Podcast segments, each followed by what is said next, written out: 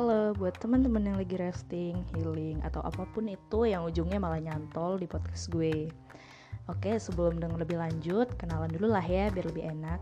Jadi gue Hani atau Hanifah Febrianti dari Prodi DKV Angkatan 2021 ITERA. Podcast kali ini gue pingin, uh, atau lebih tepatnya sih disuruh untuk ngangkat tema future plan.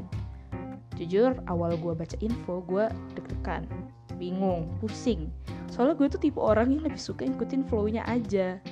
17 tahun gue hidup gue tuh selalu begitu. Kayak no preparation. Karena menurut gue gue lebih suka sama surprises dan kejutan-kejutan yang terjadi di hidup gue gitu.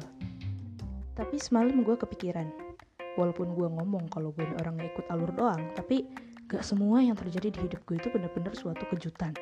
Kayak misalnya gue bisa alhamdulillahnya keterima di ITERA itu kan gak mungkin gue tiba-tiba dapet email dari ITERA terus direkrut buat masuk ke universitas mereka gitu. Terus gue mikir gue selama ini di SMA itu kan belajar. Nah buat apa sih gue belajar? Jawabannya itu ternyata begini. Sekarang gue di ITERA. Berarti selama di SMA gue ini belajar buat ngincer prodi tertentu di universitas tertentu yang ujung-ujungnya memang prodi tersebut akan memudahkan gue, mengarahkan gue mencari pekerjaan. Di mana pekerjaan itu kan merupakan salah satu masa depan yang bakal gue laluin.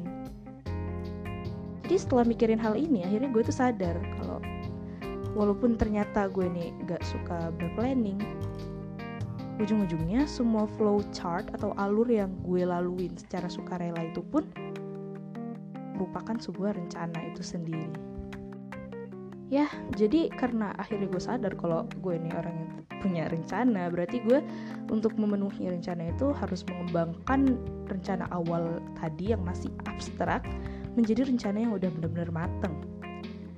Kakak mentor dan pendamping kelompok gue yaitu kelompok 78 Sadewa Gana kemarin tuh bilang rencana itu dibagi menjadi rencana jangka pendek dan rencana jangka panjang terus gue bingung lagi rencana jangka pendek gue apaan ya?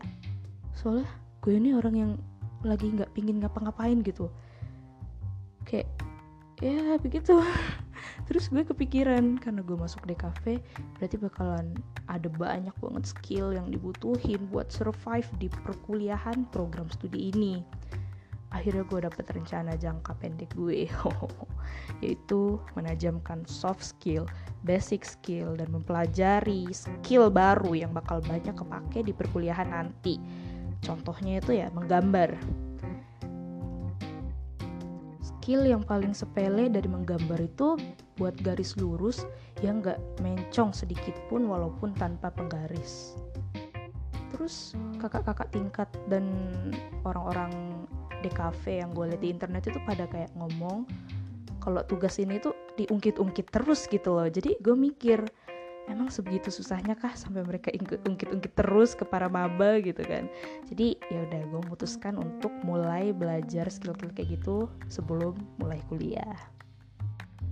Skill lainnya yaitu penguasaan aplikasi edit dan desain. Saat gue mempelajari skill-skill ini niatnya sih gue nyambi untuk open commission supaya bisa dapat penghasilan sendiri dari karya sendiri. Pingin banget deh bisa meringankan beban orang tua. Ya, semoga rencana jangka pendek gue ini nggak sekedar terjadi dalam podcast ini aja lah ya. Amin ya rabbal alamin. Jadi gimana buat teman-teman yang dengar podcast sampai sini? Apa kalian juga udah ada gambaran buat rencana jangka pendek kalian? Oke, yang terakhir adalah rencana jangka panjang. Hal yang pertama kali kepikiran bagi gue adalah bisa lulus dari DKV sesuai waktunya.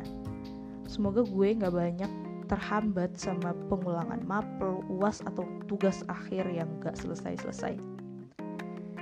Terus rencana jangka panjang selanjutnya adalah masalah pekerjaan.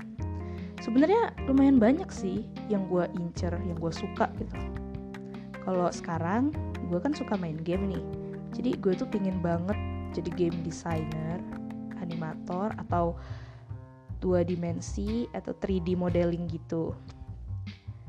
Terus gue juga punya salah satu perusahaan game impian gue yaitu Rockstar. Nah, dari karya-karya bagus mereka yang terkenal banget kayak GTA series, Red Dead Redemption, dan lainnya, siapa sih yang gak kepengen kerja di perusahaan idola sendiri?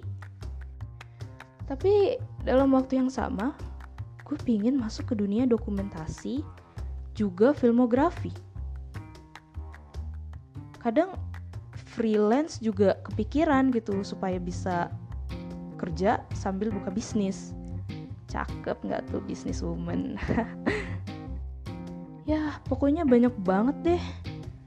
Hah, insya Allah rencana ini bakal gue kejar sekuat tubuh ini bisa bertahan. Mudahkanlah jalanku dalam mengejar mimpiku ya Allah. Amin ya rabbal alamin. Oke, jadi segitu aja ngobrol-ngobrol gue tentang future plan. Masih agak rancu sih karena gue juga masih expect lebih banyak pengalaman yang bakal datang ke gue. Oke, sekian. Makasih udah nemenin gue sampai sini. Gue akhiri. Makasih banyak.